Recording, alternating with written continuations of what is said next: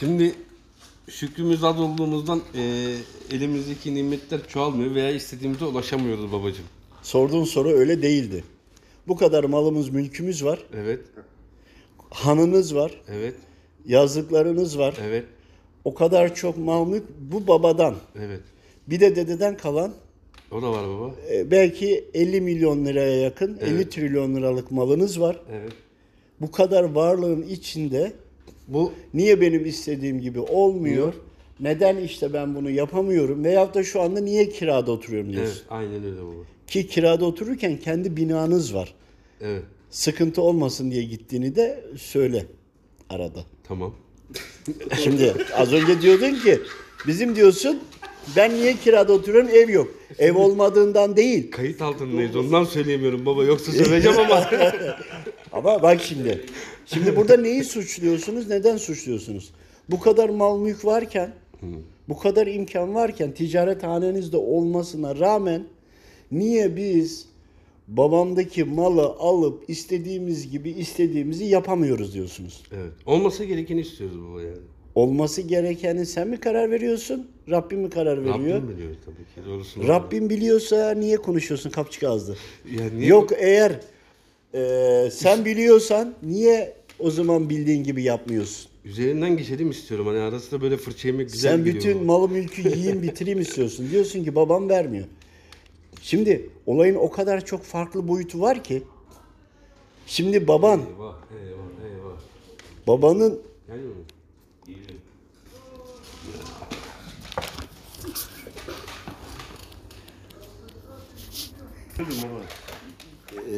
Ya mevzu giydirme mevzusu değil. Şimdi sizin malınız, mülkünüz var. Hiç durmadan babanızı şikayet ediyorsunuz. Neden? Çünkü gerçekten ciddi bir mal var. Öyle e, binler, milyonlar değil. Fakat bunu biz niye kullanamıyoruz diye bunun sıkıntısını yaşıyorsunuz. Çevrenizdeki e, insanların yaşantısını görüyorsunuz. Bu yaşantıya göre de ticaret nasıl yapabiliriz ki zaten ticaret yapıyorsunuz ama e, hep bir suçlama içindesiniz. Şimdi bu konuyu önce parça parça bir bölerek gidelim. Çünkü bu konular da çokça yaşıyoruz. Şimdi kuralı ve düzeni kuran Allahu Teala. Bunun içinde anlayacaksınız şimdi ne demek istediğimi. Şimdi dedenizin malını daha paylaştı mı babanlar? Paylaşmadı ve çok büyük rakamlar, trilyonlar, 50-100 gibi. Şimdi dedeniz zamanında gerekli hamleleri yapmadığı için ki öldü gitti. Allah rahmet eylesin. Malın hesabını orada verecek ama mal buraya kaldı. Hesabı var orada, ateş var. Allah muhafaza eylesin. Ya bak hesabını veriyor şu anda. Evlatlarına parçalama vermedi, bölmedi. Son nefese kadar sizlerin ve benim de yaşayacağım, insanların yaşayacağı genel bir şey vardır. İnsanlar yaşlandıkça dünya sevgisi artar. Buna engel olmak için, bu hepimiz için, dinleyenler için de geçerli. Herkes kendini bir çek etsin, bir düşünsün. Artacağını Efendimiz Aleyhisselam bildirmiş. Allah dostları bildirmiş. Bu artacak. Bu kesin ve net. Bunun nasıl önüne geçeriz? İnfak ederek, malından vererek, hatta verirken de kimseye de mümkünse bildirmeyerek. Zerre bir yerden ipin ucunu kaçırdığında şeytan her daim hazır ve nazır bekliyor. Kesinlikle buradan dünya sevgisini artırıp çünkü son an önemli. Son anda sen günah içinde, bataklık içinde problemli gidersen o halde kayıtlara geçiyorsun. Rabbim de hastalık veriyor. Vücudun sağlığını düşürüyor. Bel yamuluyor. Beyne yaşlılık tohumu ekiliyor. Yaşlılık tohumu ekilmeden de yaşlanma olmaz ha. Vücut deformu olabilir ama tüm sistemleri kullanabilirsin. Özür, sakatlık hariç. Yaşlılık tohumu ekilirse güç kaybetmeye başlar. Sonrasında bunlar uyarıcıdır. Kulum bana geleceksin. Gençliğindeki gibi dik artık yürüme. Artık senin olmuş olman lazım. Meyve dolu ağaçlar gibi aşağı doğru eğilmen lazım. Meyvasız zamanındaki gibi dik duramazsın diyor. O eğilmeler, o hastalıklar vesaire şeyler bizi ölüme hazırlıyor. Yani hesaba hazırlıyor. Ama ve lakin biz herkese kondurup da kendimize ölümü konduramayacağımız gibi ki kondursak her şey ama her şey çözülecek. Konduramayacağımız için bu defa dünya sevgisi fazlalaşıyor.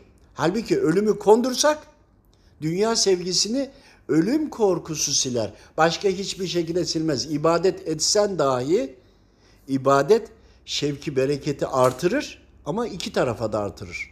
Bakın buraya ve oraya. Ama ve lakin ölüm dünya sevgisini yener. Bunun ben dünya sevgim yok diyen varsa şu anda çıksın malını infak etsin. Malını infak etmemek için kendine bahane buluyorsa sadece sussun ve dinlesin. Bir evi vardır, bir aracı vardır. Bunu kastetmiyorum. Birden fazla yazlığın bile varsa öleceksin sana bir buçuk iki metrekare yer lazım. Onun için birden fazla olan her ne olursa olsun infak et. Birikmiş paralar da dahil. Veya birikmiş paralar benim yaşlılığıma lazım diyorsan Allahu Teala'ya güvenmiyor musun? Rızkı sen mi veriyorsun? Sen nasıl Müslümansın? Bu kimliği neden kirletiyorsun? Müslüman zengin olmalı. Biz zaten fakir olsun demiyoruz ki. Zenginliğin içerisi ve kavramını bir kere değiştirdiniz. Zenginlik eşittir kanaatkarlıktır. Olana razı olmaktır. Zenginliğin sonu yok ki. Bir ev alırsın, bir bina alırsın, yandakini istersin, yandaki yazlığı istersin, yandaki binayı, evi, mahalleyi, semti, ili, ilçeyi, Türkiye'yi, dünyayı, kıtayı bitmez. Ama sen bunu da bitirmek, frene basmak mecburiyetindesin. Ama kanaatkar olunan zengin olur. Diğer taraftan hayır hasenet yapmak, infak etmek, Allah rızası için dine, İslam'a yani Rabbime hizmet etmek için mal da lazım. Bakın çalışın, gayret edin hiç durmadan ki bizim içimizde çalışmayıp işi gücü olmayan insan olmasın. Çalışır, üretirseniz imkanınız var. Paraya da ihtiyacınız yok sizler gibi. Sizden 10 tane daha nesil gelse aylık 10 bin dolardan bağlayın 10 nesil sizden sonraki 10 nesile de yeter paranız. Ama ve lakin kanaatkar olmak lazım. Kanaatkar olmadığınız sürece fakirsiniz. Bir fakir var, bir fakir var. Hangi yönden fakir? Dünya fakirisiniz. Aç gözlüsünüz. Kanaatkar değilsiniz. Kanaatkar olduğunuzda bir göz o da yeter. Ama Müslüman zengin olması lazım. infak etmek için sadakadan da bir hurmanız bile varsa yarısını verin. Zekat başka bu başka ama bunu da geçtik. Bu kadar malın mülkün varken içeride babamız bize bunları vermiyor diyorsanız ya babanız kendi imtihanını yaşıyor. Bu bir kul. Yaşı bir noktaya doğru gidiyor. Ölüm ona da gelecek, size de gelecek. Belki size daha erken gelecek. Ayrı. Ancak babanız malını nasıl kazandı, nasıl harcadığıyla ilgili, ömrünü nasıl geçirdiğiyle ilgili Allahu Teala'ya hesap vermeyecek mi? Verecek. O hesabı görmesi için o mal onda kalacak. Akletmiş olsa vereceği mirası verir, paylaştırır. Her ne olursa der, dua eder, çekilir kenara. Ama güç, iktidar, ailedeki söz sahibi olmayı, babalık vasfını vesaire diğer bilumum noktalardan dolayı vermiyor. Üstüne üstlük bir kısım size veriyor. O verdiği sizin o anki ihtiyacınızı anca yetiyor ama Uzun vadeli çünkü iniş çıkılışlı ticarette zarar da olur, kar da olur. Uzun süre çevirecek rakamı da vermiyor. Bir onun adına hakimiyeti kaybetme olur ki gün gelecek siz de aynısını yapacaksınız. Sizin evladınız da size aynısını söyleyecek. Siz de o gün aynı bugünkü babanız gibi davranacaksınız. Bugünden ders almayacaksınız ki babanız almadı. Hala dedenizin malı duruyor. Az buz da değil. Yani bu tarladan bu tohum çıkıyor. Ama sizin şikayetiniz ne? Niye vermiyor? Malı babanız size vermiş olsa, dağıtsa, dağıttıktan sonra sizin imtihanınız başlıyor. Şu anda o kadar büyük varlığın içinde istediğiniz hayatı yaşayamıyorsunuz. Rabbim bir babanızı deniyor. Hesabını çünkü soracak. İki, aynı zamanda size varlığın içinde fakirliği yaratıyor, yaşatıyor. Sizi fakirlikle imtihan ediyor. Burada duralım. Tüm ama tüm insanların, kulların hayatı iki kısımdır. Fakirlik ve zenginlik. Hayatını baştan zenginlik olarak yaşayan insan fakir olarak ölür. Fakir olarak yaşayan insan hayatın sonunda zengin olarak ölür. Zenginlik kavramı başlangıçtaki mal varlığına göre değişerek olur. Peki adamın fabrikası var, yaşlı. Baştan da babası çok zenginmiş, çok daha büyük işletmeleri varmış ve adam devam ediyor dediğinizde sorumluluk babadan kendine geçmediği için o süre içinde babanın fabrikaları, hanları, hamamıyla araçları, evleri, her şeyi o kadar lüks ve zengin yaşar ki o kişinin tamamına sorun, tamamının banka borcu, kredi bu. Fabrika vardır. Yazlıklar, hanlar, hamamlar vardır. Lakin malın hepsini satsa borcunu ya karşılar ya karşılamaz. Sadece o varlıkla beraber döndürüyordur. Bu değişmez. Saklayabilir, gizleyebilir ama değişmez. Yani fabrikanın içinde de fakirlik yaşar. Çünkü gece uyuyamaz. Ödemeler var, çekler var, senetleri var, evrakları var. Veyahut da biraz toparladı.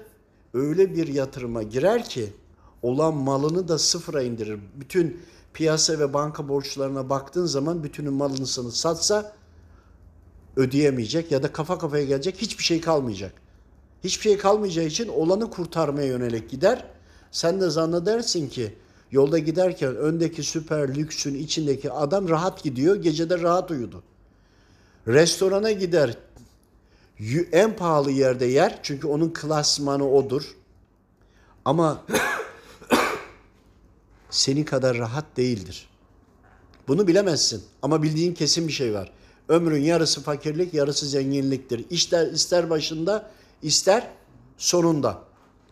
Ancak bizim algılamamız dıştan olduğu için o firmaların ya da o kişilerin iç yapılarını incelemediğimiz için onu göremeyiz, anlayamayız. Ama bu tüm hepsinde budur. Şimdi siz bu kadar malın mülkün, çünkü biliyorum yakinen de tanıyorum. İçerisinde fakirlik sürenizi yaşıyorsunuz. Sonra zenginlik sürecinizi yaşayacaksınız. Niye bu kadar net konuşuyorum? Çünkü tanıdım ve gözlemlediğim için. Hem ilmen hem fikren hem tecrübeyle bunu anlayabiliyorum Rabbimin izniyle. Şimdi siz fakirlikten zenginliğe geçmek istiyorsunuz ama fakirken arabalarınız en bize göre lükslerinden evleriniz vesairelerin hepsi var. Yazlıklarınız var. Buna rağmen sizin kendi kimliğinizde olmadığı için istediğiniz yeri satıp istediğinizi çeviremediğiniz için kendi hanınız, kendi binanız olmasına rağmen bu içeride kalmayayım, gideyim burada kalayım demenize rağmen siz gücü ve iktidarı, kontrolü kendi elinize geçiremediğiniz için, istediğiniz gibi hareket edemediğiniz için nefsinize ağır geliyor. Nefsiniz de sizi sıkıştırıyor. Babamız niye bize bu paylaşımı yapmıyor diye. Tamamen bu nefsidir. Akli, ilmi olsaydı babamız orada ya biz onun gölgesinde kalalım. Sorumluluk da almayalım. Çünkü ihtiyacınızın çok çok fazlası var. Bunun farkında değilsiniz. Bir kere kanaat yok. Yani zengin değilsiniz. Malınız çok fazla ama siz fakirsiniz. Neden? Hep kendinizden ileriye doğru bakıyorsunuz. Kendi durumunuzdan geriye bakmıyorsunuz.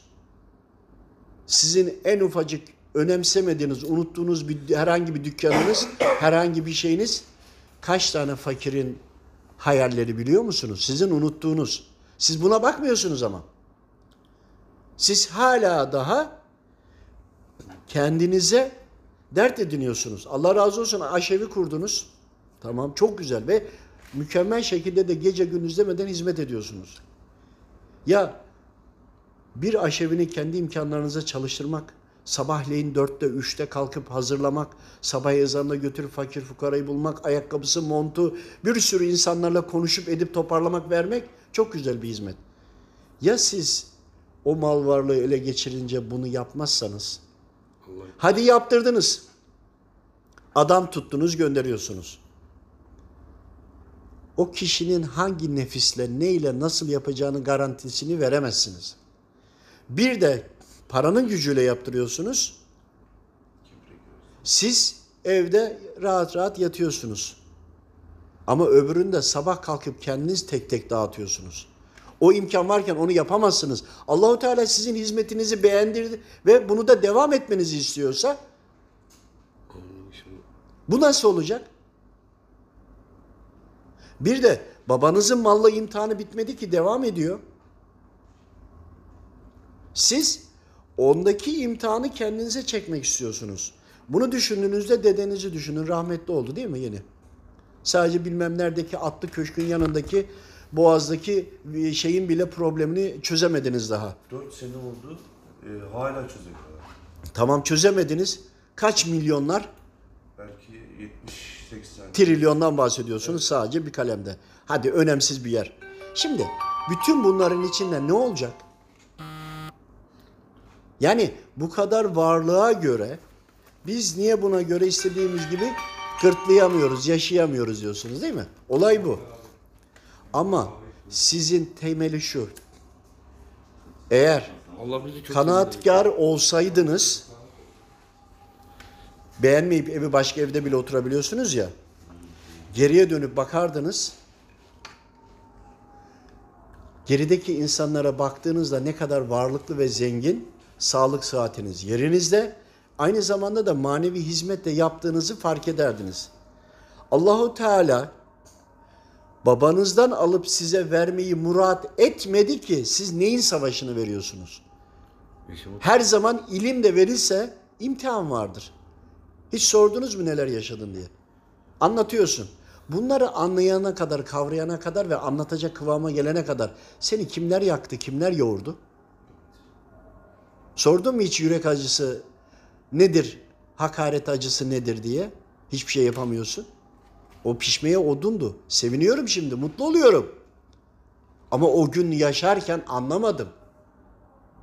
Bu kadar nasıl anlatıyorsun üst üste? Ya her anlatılanı kafadan böyle geliyor Allah vergisi yaşanılanlarla pişmiş halde geliyor. Hiçbir varlığın yok, borcun yok. Adam geliyor diyor ki benim dediğim gibi anlat sana bu kadar para. Benim hayal edemeyeceğim. Dedim Allah rızası için yapılıyor ve anlatılıyor. Para rızası için değil deyip itiyorsun. Emin ol ittiğinde evine gidecek benzin paran yoktu. Ama o hal güzeldi. Bak bu şikayet anlamında değil. Hiçbir zamanda bunu almadım.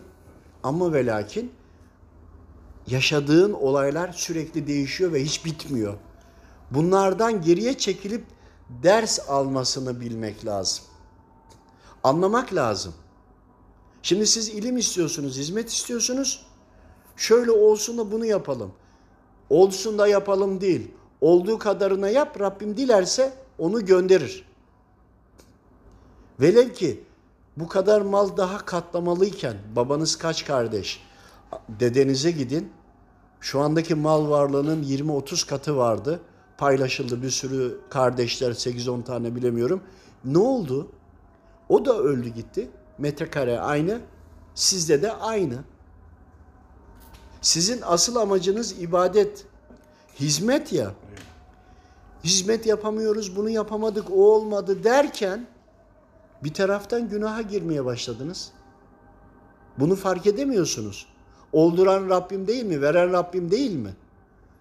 Rabbim şu anda dilese bütün anahtarların hepsini babanız size vermez mi? e tamam Rabbim vermiyorsa babanızı niye suçluyorsunuz?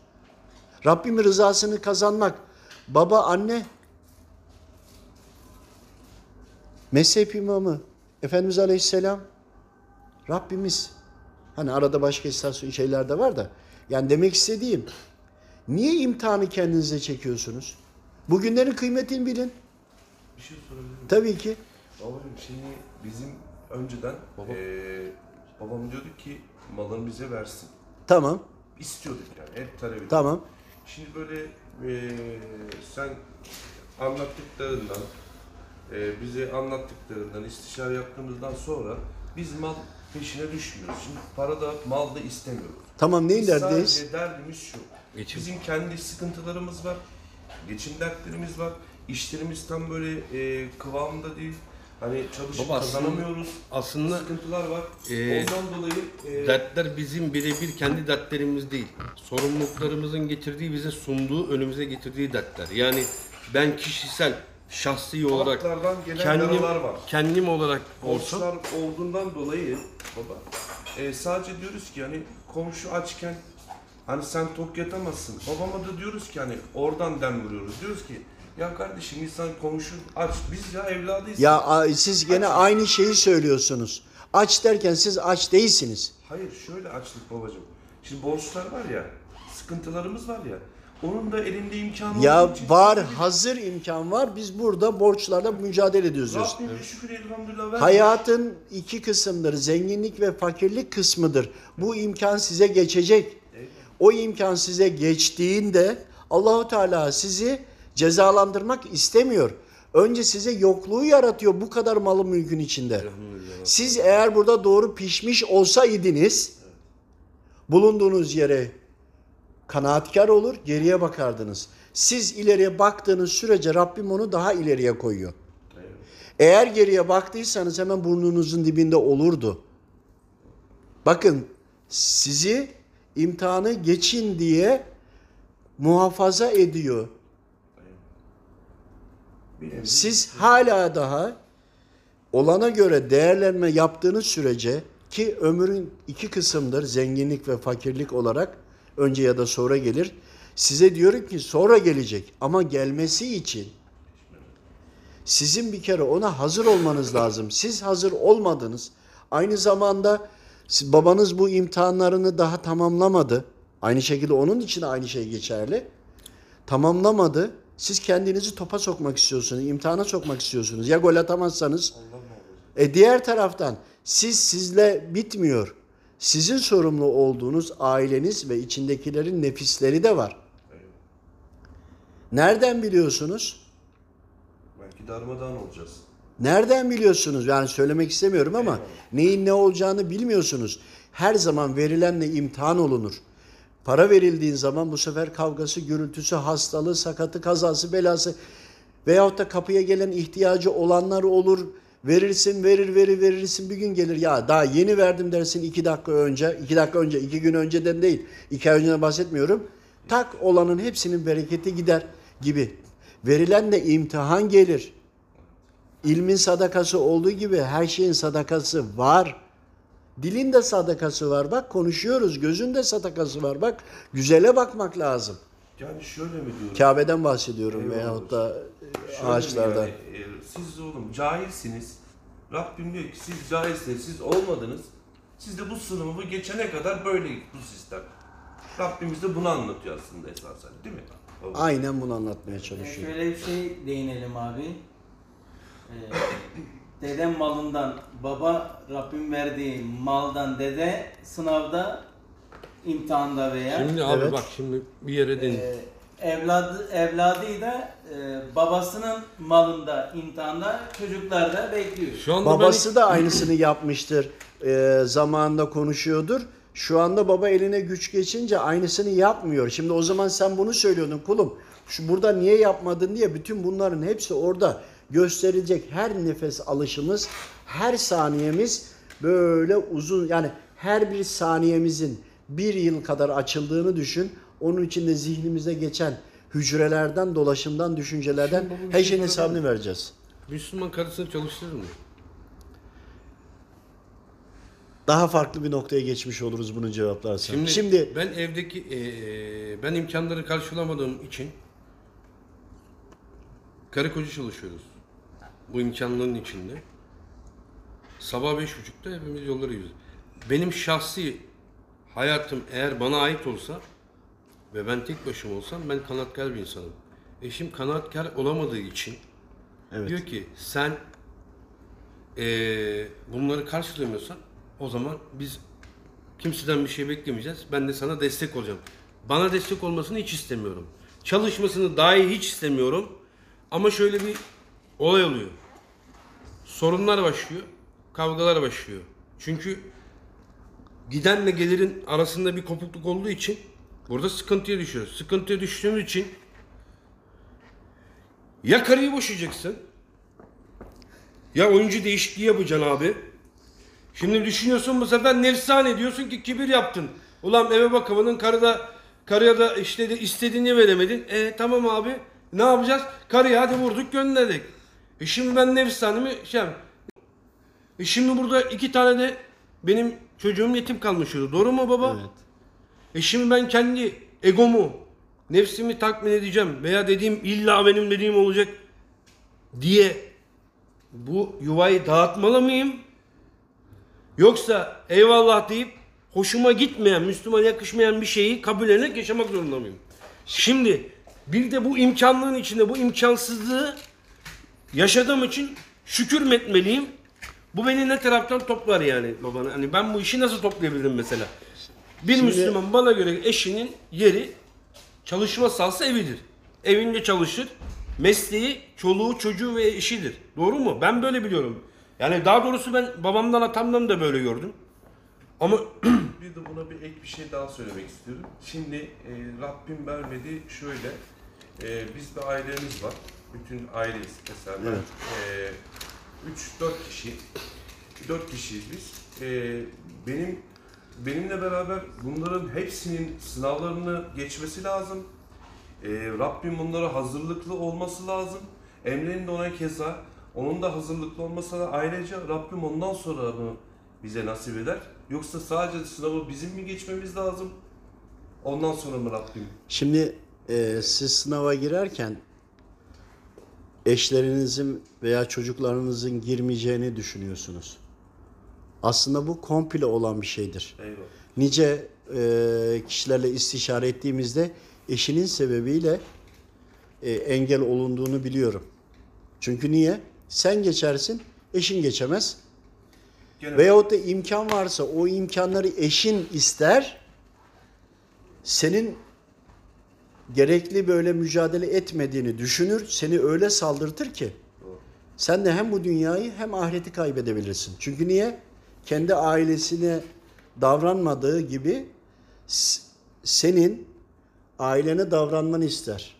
Yani yak, yık, at, vur, kır, al, gel. Halbuki kanaatkar olmuş olsa bak bunlar onun eşlere de geçerli. İki taraf için de yani kadın erkek artık e, ona girmiyoruz.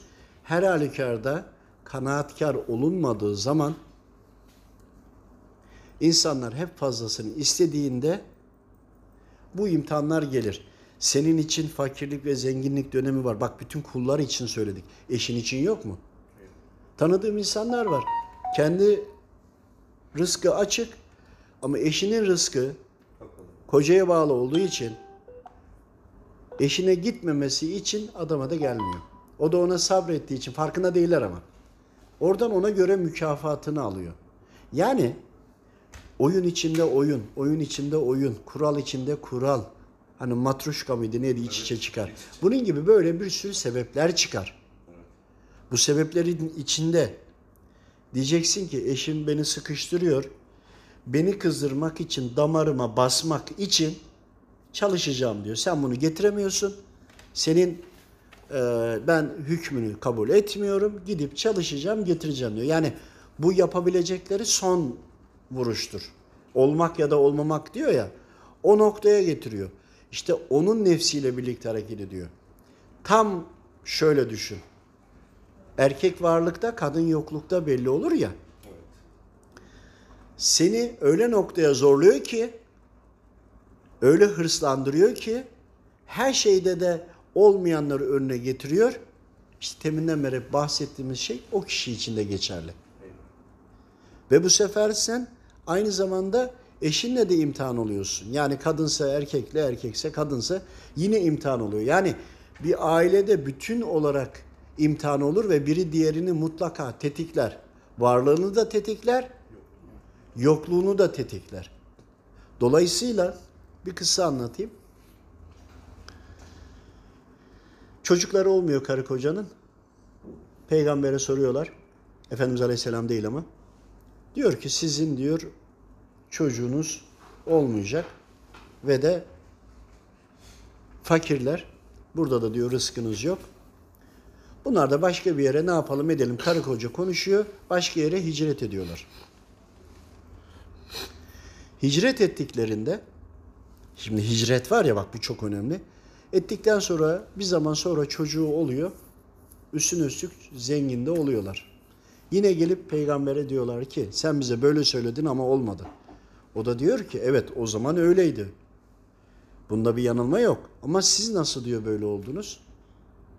Biz diyor Allahu Teala'dan hiçbir zaman ümidimizi kesmedik. Hep dua ettik ettik. Rabbim nasip eyledi.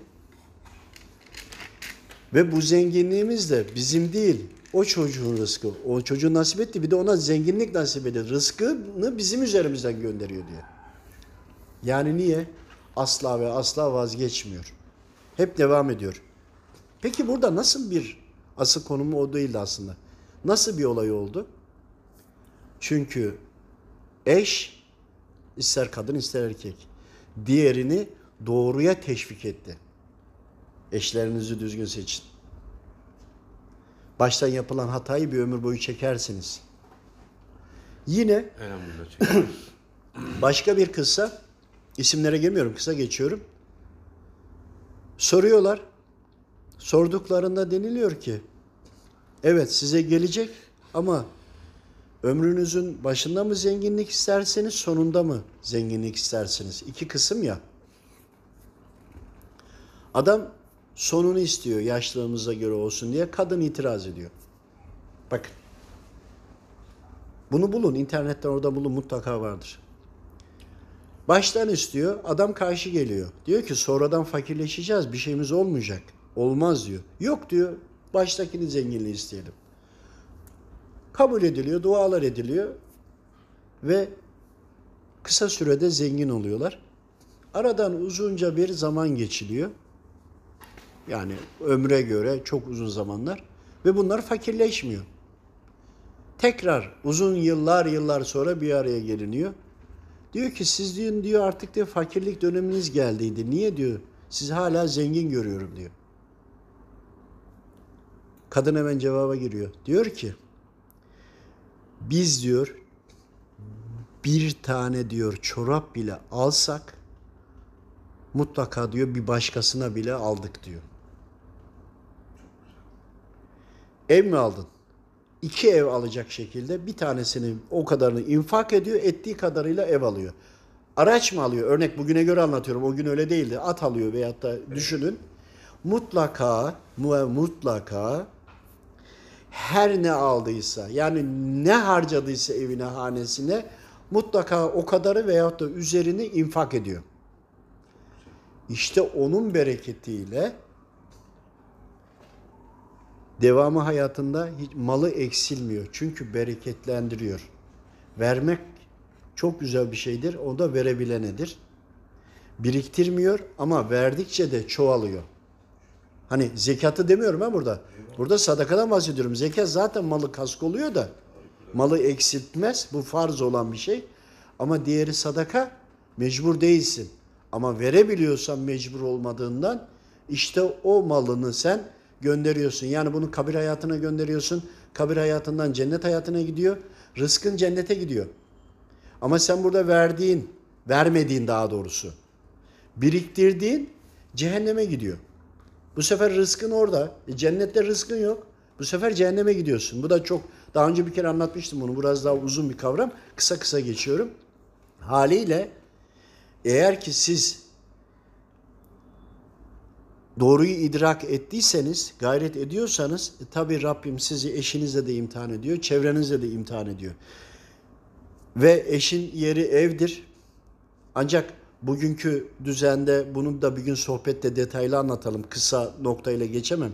Çalışabilir ama nerede ve ne şekilde nasıl olabilir? Bunların kazandığı para erkeğe helal olmaz. Erkeğin mutlaka helallik alması lazım. Kadının ona hediye ediyor olması lazım falan. Hani eşin çalıştığı para kesinlikle ve kesinlikle erkeğe veyahut da erkeğin bakmak zorunda olduğu çocuklarına kadın parasını kullanırken bir helallik lazım. Bunu detaylı anlatmak lazım. Kısa olmaz.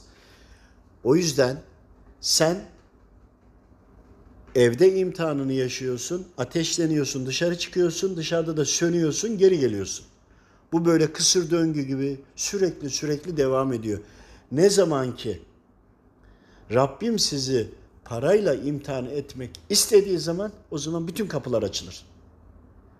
Ama ve lakin fakirlik döneminde neler yaşadınız, neler yaptığınızın süresi bitmiş, hesabı kenara çekilmiş olur. Artıysa ne ala. Eksi ise zenginlik zamanında onu telafi ediyor olmanız lazım. Buraya imtihan için geldiniz. Yokluk ya da varlık için değil, imtihan için. Ama bu varlıkla, yoklukla, kazayla, belayla, mükafatla, güzel hallerle, kötü hallerle bütün hepsi birer imtihandır. Yani senin imtihanın daha ağır, daha ateşlisi ama mükafatın da keza ona göre. Hani Rabbimin rızasını arıyorsun ya, Rabbimin rızasını ararken de türlü türlü Rabbim sana çevrendeki insanlarla sana saldırtıyor. Senin kıymetini ve değerini daha da artırman için. Eğer bunu bu gözle bakarsan eşine de merhamet edersin. Babana da herkese. Yok eğer bunu suçlamayla gidersen çünkü Rabbim seni nelerden koruyor bilmiyorsun. Suçlayarak devam edersin. Bir taraftan kazanırken sırtındaki torba gibi alttan da delik olur aşağıya döküle döküle gider. Hayır hasenatı üstten koyarsın alttan dökülür var zannedersin. Yoktur torban deliktir.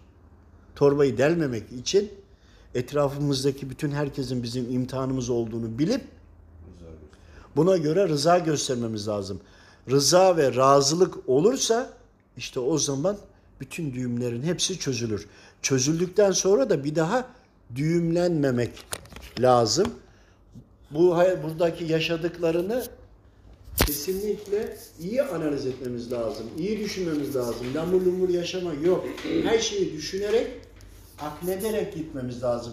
Her yaşadığımız anı analiz etmemiz lazım. Hani başta aslında bir şey söyledik. Sen bir işte deve dikeniydin veyahut da bir ottun vesaire.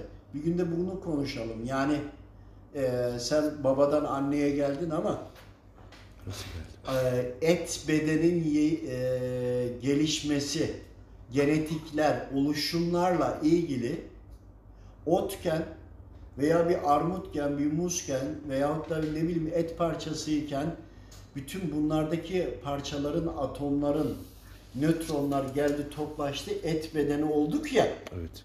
Nereden nereden kim bilir nereden ne vitaminler geldi, ne atomlar geldi. Bunun üzerine de konuşmak lazım. Bu gelişik yaratılışın üzerinden sonra bir de bunu konuşmak lazım. Eyvallah. Allah'a emanet olun. Allah razı olsun hocam.